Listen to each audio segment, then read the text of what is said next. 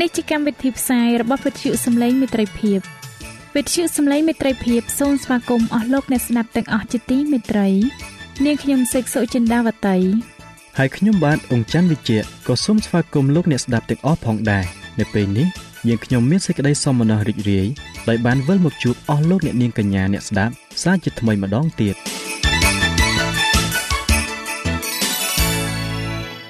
នាងខ្ញុំសេកសុចិន្តាវតី សូមជម្រាបជូនកម្មវិធីផ្សាយ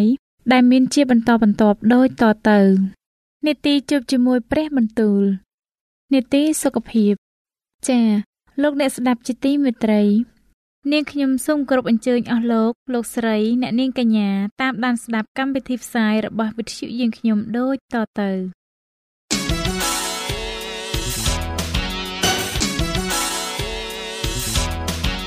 នេតិជួបជាមួយព្រះបន្ទូល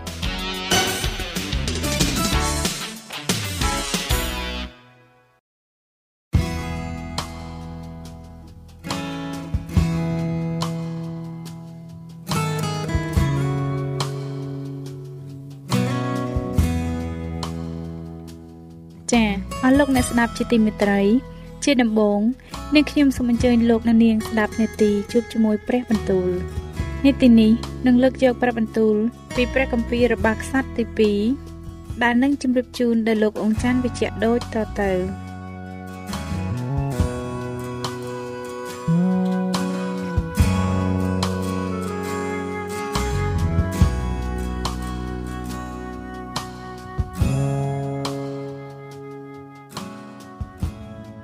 ព្រះគម្ពីររបស់ខ្សត្រទី2ចំពុកទី1រីឯសាឡូមោនជាព្រះរាជបុត្រាដាវីតទ្រង់មានអំណាចក្នុងរាជទ្រង់កាន់តែមួមួនឡើងហើយព្រះយេហូវ៉ាជាព្រះនិទ្រង់ក៏បានគង់នៅជាមួយព្រមទាំងលើកដំកើងទ្រង់ឡើងយ៉ាងក្រៃលែងសាឡូមោនក៏មានបន្ទូលនឹងបណ្ដាពួកអ៊ីស្រាអែលពួកមេទ័ពធំតូចពួកចៅក្រមនិងពួកចៅវាយនៃសាសអ៊ីស្រាអែលទាំងប៉ុន្មានដែលជាប្រធានលើវងរបស់ឪពុកគេរួចទ្រង់ និងពួកជំនុំទាំងអស់ក៏នាំគ្នាទៅឯទីខ្ពស់ដែលនៅត្រង់ក្រុងគីបៀនត្បិតត្រសើជំនុំនៃព្រះ ដែលលោកម៉ូសេជាអ្នកបម្រើរបស់ព្រះយេហូវ៉ាបានធ្វើនៅទីរហោស្ថានបាននៅទីនោះតែឯហឹបនៃព្រះនោះដាវីតបាននាំយកពីក្រុងគីយ៉ាយ៉ារីមឡើងទៅឯកន្លែងដែលទ្រង់បានរៀបចំទុកត្បិតទ្រង់បានដំឡើងត្រសាលមួយ សម្រាប់ឲ្យហឹបនោះ នៅក្នុងក្រុងយេរូសាឡឹមវិញរីឯអាសនាលង្ហិនដែលបេតសាលៀលកូនយូរី ដែលជាកូនហើបានធ្វើ នោះក៏នៅមុខរោងអបអសុតផងព្រះយេហូវ៉ាត្រង់គីបៀន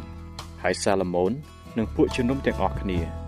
បានចង្វាក់រកអាសនានោះទ្រង់ឡើងទៅថ្វាយដង្វាយដុតអស់1000នៅលើអាសនាលង្ហិនដែលនៅចំពោះព្រះយេហូវ៉ាត្រង់ទសាលជំនុំនោះក្នុងពេលយប់នោះព្រះទ្រង់លេចមុខឲ្យសាឡូមោនមានបន្ទូលថាចូលឲ្យឯងសុំចោះតើចង់ឲ្យអញធ្វើអ្វីដល់ឯង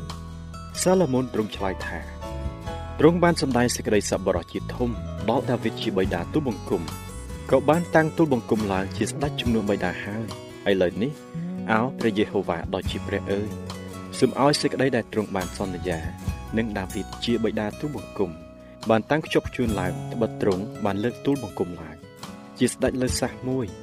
មានគ្នាច្រើនដូចជាផោងទូលីនៅផែនដីដូច្នេះសូមប្រោសប្រទានឲ្យទូលបង្គំមានប្រាជ្ញានិងយោបល់ ដើម្បីឲ្យទូបង្គំបានចេញចូលនាំមុខបណ្ដាជននេះត្បិតតើមានអ្នកឯណាអាចនឹងគ្រប់គ្រងលើរាជរបស់ទ្រង់ដែលមានច្រើនទាំងម្លេះនេះបានព្រះទ្រង់មានបន្ទូលតបថាដោយព្រោះឯងបានប្រាថ្នាដូច្នេះនៅក្នុងចិត្តហើយមិនបានសូមឲ្យបានទ្រព្យសម្បត្តិឬធនធានឬកិត្តិយសឬការប្រហារជីវិតនៃពួកអ្នកដែលស្អប់ឯងក៏មិនបានសូមឲ្យអាយុយឺនយូរឡើយគឺបានសូមឲ្យមានប្រាជ្ញានិងយោបល់វិញ ដើម្បីនឹងគ្រប់គ្រងលើរាជអញដែលអញបានតាំងឯងឲ្យធ្វើជាស្ដេចលើគេដូច្នេះអញឲ្យឯងមានប្រាជ្ញា និងយោបល់ហើយថែមទាំងឲ្យមានទ្រព្យសម្បត្តិធនធាន និងកិត្តិយសទៀតផងដល់ម្លេះបានជាមុនឯងមិនដែលមានស្ដេចណា បានយ៉ាងនោះឡើយហើយក្រោយឯងទៅមុខទៀតក៏មិនមានដែរ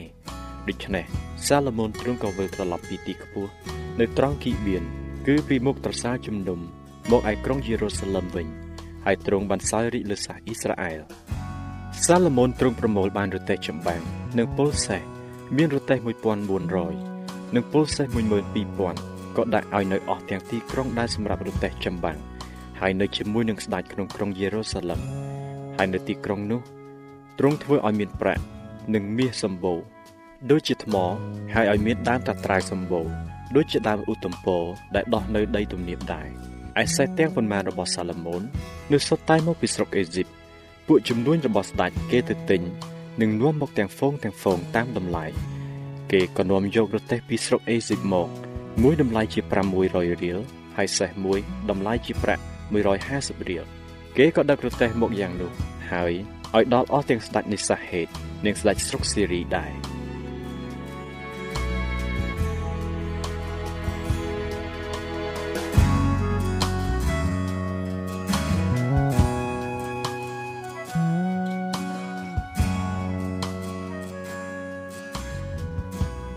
ព្រះគម្ពីររបស់ក្សត្រទី2ជំពូកទី2ឯសាឡូមោនទ្រង់ក៏បង្គាប់ឲ្យស្អាងព្រះវិហារសម្រាប់ព្រះនាមព្រះយេហូវ៉ានិងព្រះរាជវាំងសម្រាប់នគរទ្រង់រួចទ្រង់តម្រូវឲ្យមានមនុស្ស70000នាក់សម្រាប់លីសៃនិង80000នាក់សម្រាប់កាប់ឈើនៅឯភ្នំហើយ3600នាក់សម្រាប់ជាអ្នកត្រួតលើគេទ្រង់ក៏ចាត់សារទៅឯហ៊ីរ៉ាមជាស្ដេចក្រុងទេរ៉ូថាពីដើមទ្រង់បានផ្ញើឈើតាត្រៅ មកថ្វាយដាវីតជាបិតាទូបង្គំសម្រាប់ធ្វើជាតំណាក់ឲ្យទ្រង់គង់ឥឡូវនេះក៏សូមទ្រង់ប្រោះមេត្តាដល់ទូបង្គំដូច្នោះដែរមើលទូបង្គំរៀបនឹងស្អាងព្រះវិហារសម្រាប់ព្រះនាមព្រះយេហូវ៉ាជាព្រះនៃទូបង្គំដើម្បីថ្វាយដល់ទ្រង់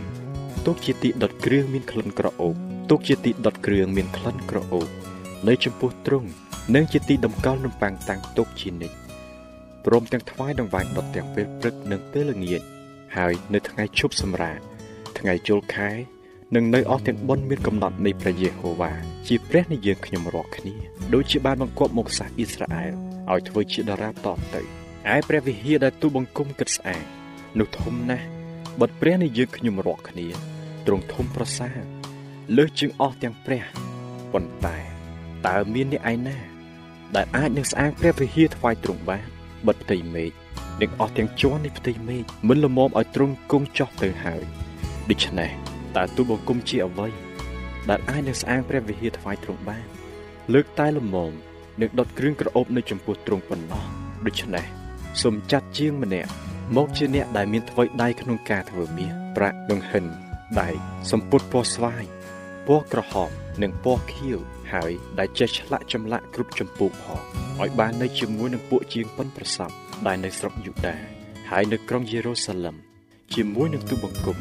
ជាពួកអ្នកដែលដាវីតបិតាទូបង្គំបានប្រគល់ផ្គង់សូមបញ្ជូនឈើតាត្រៅឈើកកោះនិងឈើច័ន្ទ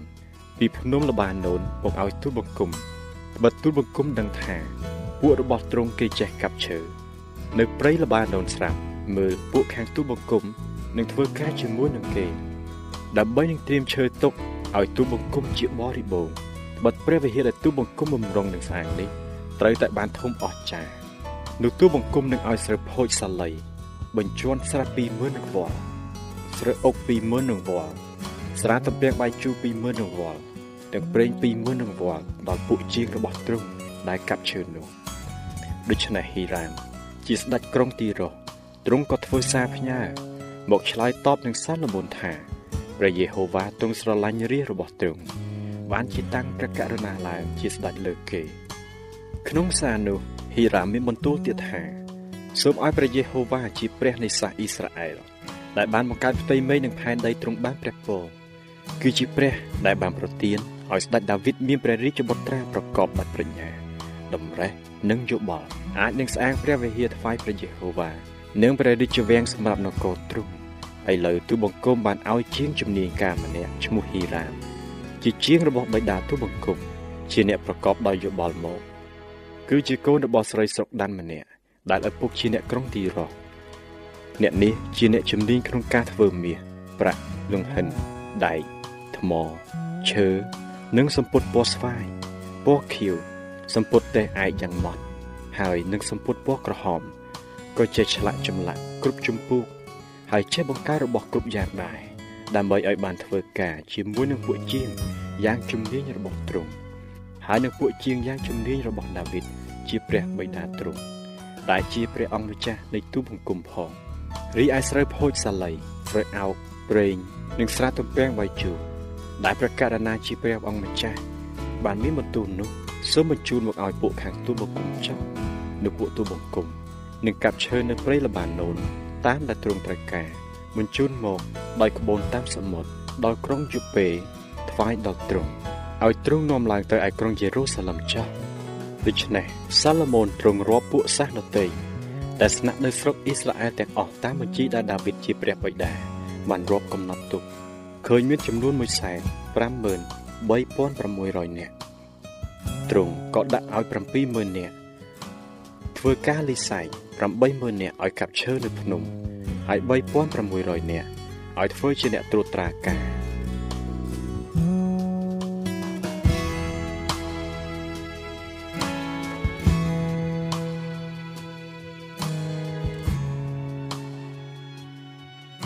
ចា៎ប្រិយមិត្តអ្នកស្ដាប់ជាទីមេត្រី ដោយពេលវេលាមានកំណត់ យើងខ្ញុំសូមផ្អាកនាទីជប់ជាមួយព្រឹបបន្ទូលនេះត្រឹមតែប៉ុណ្ណេះសិនចុះដោយសន្យាថា នឹងលើកយកនីតិនេះមកជម្រាបជូនជាបន្តទៀតនៅថ្ងៃស្អែកសូមអរគុណ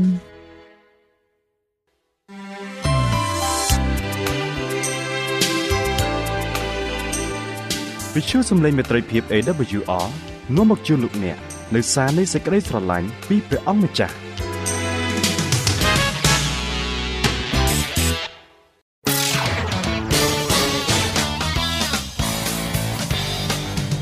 សូមជូននីតិសុខភាពច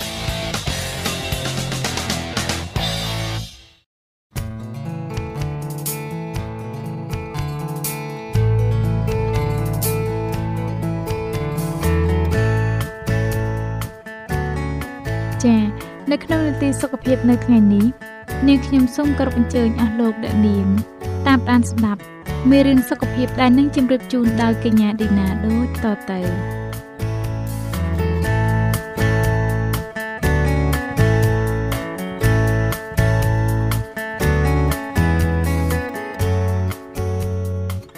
ចា៎នាងខ្ញុំសូមជម្រាបសួរអស់លោកអ្នកស្ដាប់ជាទីមេត្រីនាងខ្ញុំមានអំណរណាស់ដែលបានវិលមកជួបលោកអ្នកសាជាថ្មីម្ដងទៀតសូមប្រជាម្ចាស់ប្រទានពរដល់លោកអ្នកទាំងអស់គ្នានៅថ្ងៃនេះនៅថ្ងៃនេះនាងខ្ញុំសូមលើកយកភាគទី3ជាភាគបញ្ចប់ដែលជាអាហារដែលលោកអ្នកទទួលទានរាល់ថ្ងៃដូច្នេះសូមលោកអ្នកតាមដានស្ដាប់មេរៀននេះជាបន្តបន្ទាប់ហើយតើនៅមានចំណុចសំខាន់អ្វីខ្លះទៀតសម្រាប់ជាប្រយោជន៍ដល់លោកអ្នកការពិសោធន៍វិទ្យាសាស្ត្រលើជីវជាតិអាហារដំបូងត្រូវបានគេកត់ត្រា គឺកើតឡើងនៅសាកលវិទ្យាល័យមួយនៃប្រទេសបាប៊ីឡនតាមបទបញ្ជារបស់ស្ដេចនេបូខនេសានុសាហេប្រឺដែលត្រូវគេចាប់ជាឆ្លើយសឹកម្នាក់ឈ្មោះដានីយ៉ែលនិងគូកន3នាក់ផ្សេងទៀតត្រូវបរិភោគអាហារវិសេសវិសេសពីតុរបស់ស្ដេចផ្ទាល់ប្រវត្តិសាស្ត្របានចារថាដានីយ៉ែលបានគិតទុកក្នុងចិត្តជាស្រេចថាគាត់នឹងមិនបណ្ដាលខ្លួនឲ្យសៅមងដោយអាហាររបស់ស្ដេចនិងស្រារបស់ស្ដេចនោះទេរួចក៏ក៏សុំតម្រួតម៉ែលសាដែលជាអ្នកទទួលបន្ទុកលើអ្នកទោស ឲ្យដូរយកអាហារផ្សេងវិញដានញ៉ាស្នើឲ្យមានការសាកល្បងចំនួន10ថ្ងៃនៃការទទួលទានតែអាហារបន្លែនិងទឹកដោយបន្ទាប់ពីនោះម៉ែលសាអាចប្រៀបធៀបពួកគេជាមួយអ្នកតដតីទៀតដែលបរិភោគអាហាររបស់ស្ដេចតើលទ្ធផលនៃការសាកល្បងនេះទៅជាយ៉ាងណាវិញ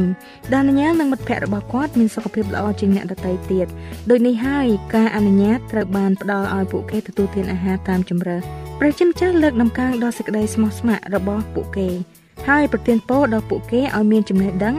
និងជំនាញក្នុងថ្នាក់រៀនជាភាសា Chaldee ទាំងអស់3ឆ្នាំក្រោយមកពេលត្រូវមកជួបស្ដេចសម្រាប់ប្រឡងពួកគេទទួលលទ្ធផលល្អ10ដងលើសពីអ្នកឆ្លៀសវៃដតីទៀតក្នុងអាណាចក្រ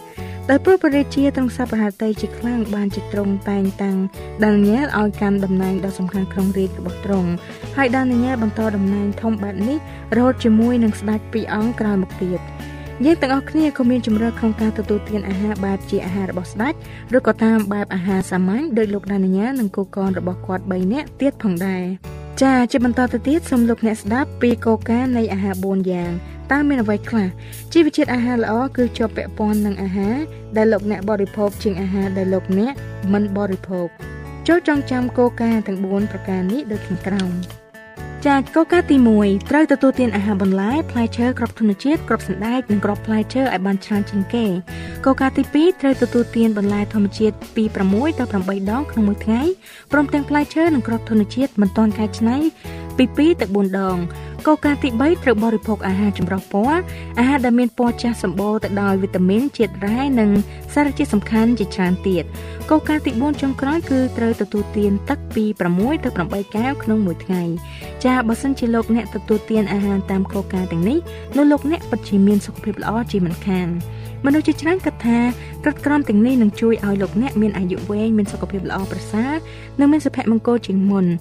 ប្រសិនបើលោកអ្នកចង់រស់នៅជារៀងរហូតក្រុមយើងខ្ញុំសូមជួយជាយោបល់ឲ្យទទួលទានអាហារព្រលឹងវិញ្ញាណពីបន្ថែមទៀតចាអាហារនៅផែនដីនេះអាចធ្វើឲ្យលោកអ្នកមានសុខភាពល្អឈ្នះជំងឺសម្រាប់តែផែនដីនេះប៉ុណ្ណោះ តែចុះតើលោកអ្នកចង់ស្គាល់ឬចង់ភ្លក់អាហារពីស្ថានសួគ៌ដែរឬទេអាហារស្ថានសួគ៌ច្បាស់ជាផ្ដល់ជីវិតអកលជាមិនខានព្រះយេស៊ូវមានបន្ទូលថាខ្ញុំជានំប៉័ងជីវិតអស់អ្នកណាដែលមកឲ្យខ្ញុំនោះនឹងមិនឃ្លានទៀតឡើយហើយអស់អ្នកណាដែលជឿដល់ខ្ញុំក៏មិនត្រូវស្រេកដែរនៅពេលដែលយើងទទួលជឿដល់ព្រះយេស៊ូវនោះឈ្មោះថាយើងបានផ្សារភ្ជាប់ទៅនឹងអាហារដែលមានជីវិតអមតៈរួចជាស្រេចទ្រង់ជានំប៉័ងជីវិត ទ្រង់បំពេញនូវការស្រេកឃ្លានខាងឯព្រលឹងវិញ្ញាណជាខ្លាំងរបស់យើងដែលគ្រាន់តែជឿតាមនោះយើងនឹងបានសង្គ្រោះហើយទទួលបានជីវិតអកលនៅពេលដែលទ្រង់យាងមកជាលើកទី2ម្ដងទៀតនោះហើយនៅឯនគរស្ថានសួគ៌លោកអ្នកក៏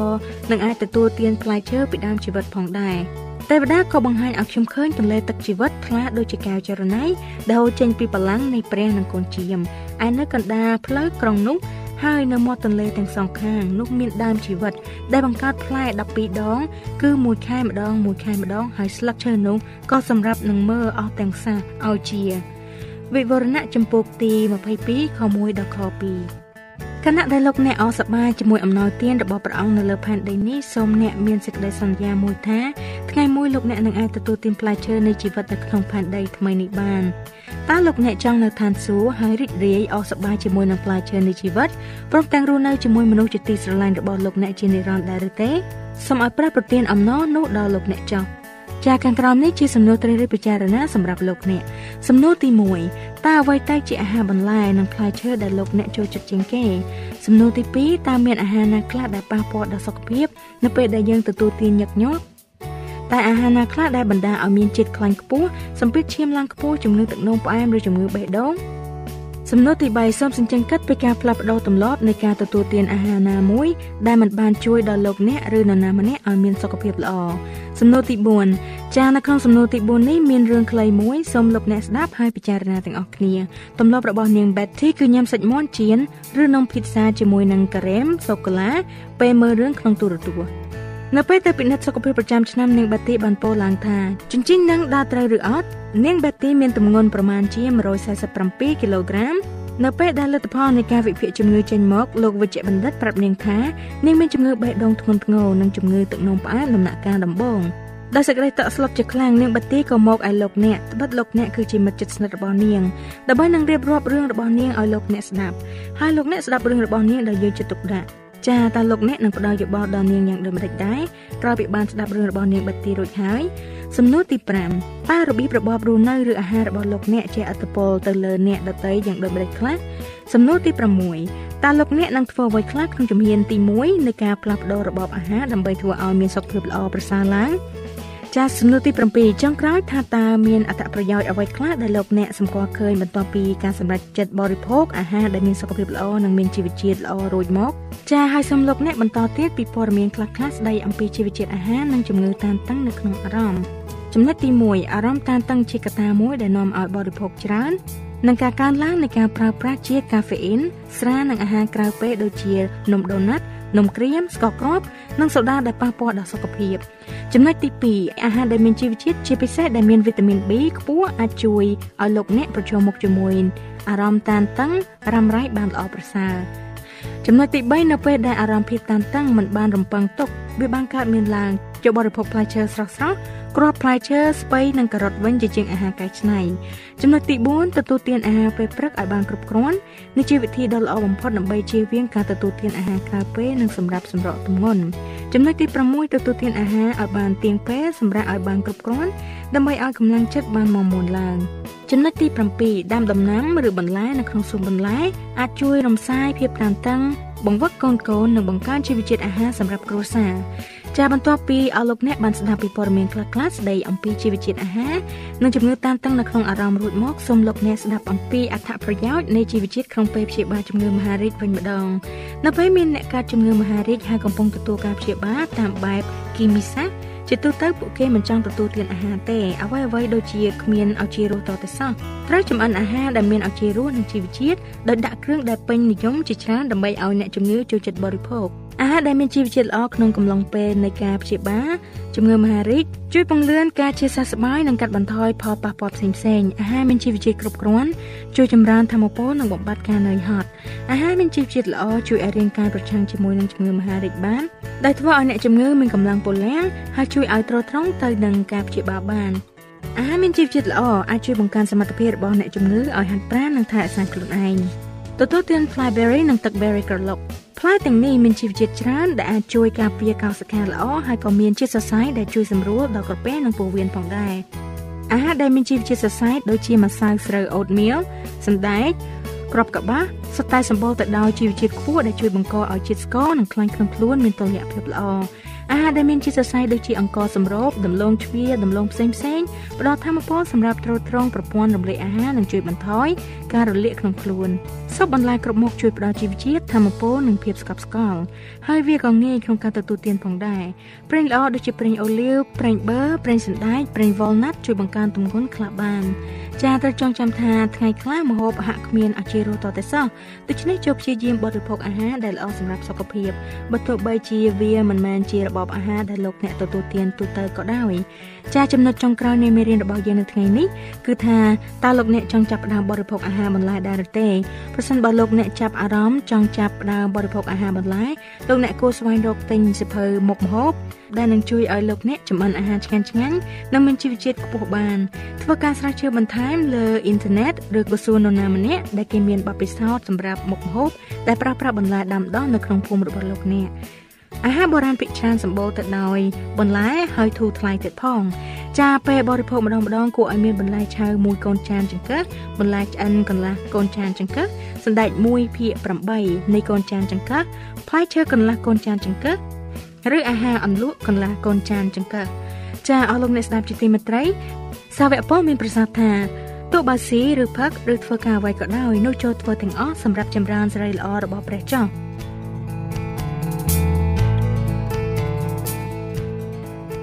ចាអស់លោកអ្នកស្ដាប់ជាទីមេត្រីមេរៀនដែលស្ដីពីជោគវាសនារបស់អ្នកគឺស្ថិតនៅលើច័ន្ទបាយរបស់អ្នកក៏សន្មត់ថាចាប់ជាបរិបូរទាំងស្រុងហើយហើយនៅសប្តាហ៍ក្រោយនាងខ្ញុំនឹងលើកយកមេរៀនថ្មីមួយទៀតមកជូនដល់លោកអ្នកទាំងអស់គ្នាតាមពេលវេលានិងម៉ោងដដែលដូច្នេះសូមឲ្យព្រះជាម្ចាស់ប្រទានពរដល់លោកអ្នកបងប្អូនទាំងអស់គ្នាសម្រាប់ពេលនេះនាងខ្ញុំឌីណាសូមអរគុណសូមជម្រាបលា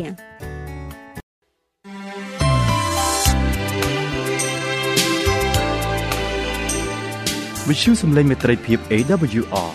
មានផ្សាយពីរដងក្នុងមួយថ្ងៃគឺព្រឹកនៅម៉ោង6និងពេលយប់នៅម៉ោង8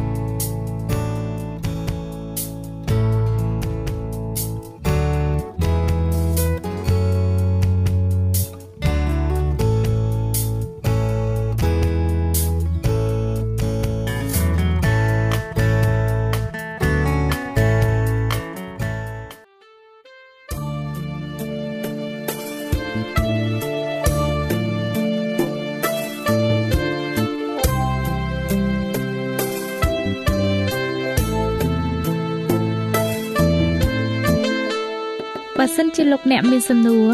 ឬសំណុំពរអ្វីសូមតាក់ទងមកការិយាល័យវិទ្យុយើងខ្ញុំ តាមអាស័យដ្ឋានផ្ទះលេខ15ផ្លូវលេខ568សង្កាត់បឹងកក់2ខណ្ឌទួលគោករាជធានីភ្នំពេញលោកអ្នកក៏អាចសរសេរសម្បត្តិផ្ញើមកយើងខ្ញុំ តាមរយៈប្រអប់សម្បត្តិលេខ488ភ្នំពេញឬតាមទូរស័ព្ទលេខ012 34 96 64ឬ097 80 81 060ឬក៏តាមរយៈអ៊ីមែល vol@awr.org យើងខ្ញុំរងចាំទទួលស្វាគមន៍អស់លោកអ្នកនាងដោយក្តីសោមនស្សរីករាយហើយលោកអ្នកក៏អាចស្ដាប់កម្មវិធីនេះឡើងវិញដោយចូលទៅកាន់ website របស់វិទ្យុយើងខ្ញុំ តាមរយៈអាស័យដ្ឋាន www.awr.org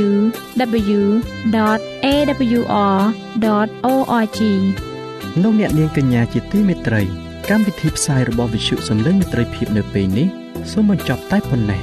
យើងខ្ញុំសូមអរគុណចំពោះការតាមដានស្ដាប់របស់អស់លោកអ្នកតាំងពីដើមរហូតដល់ចប់យើងខ្ញុំសូមជូនពរឲ្យអស់លោកអ្នកនាងកញ្ញាទាំងអស់បានចម្រើនឡើងក្នុងព្រះគុណព្រះអង្គម្ចាស់ ហើយក្នុងការទទួលយកព្រះយេស៊ូវគ្រីស្ទជាព្រះអង្គម្ចាស់និងជាព្រះអង្គសង្គ្រោះនៃយើងរាល់គ្នា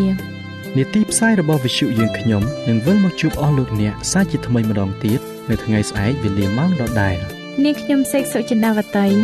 និងខ្ញុំបាទអ៊ំច័ន្ទវិជ្ជៈសូមអរគុណសូមជម្រាបលា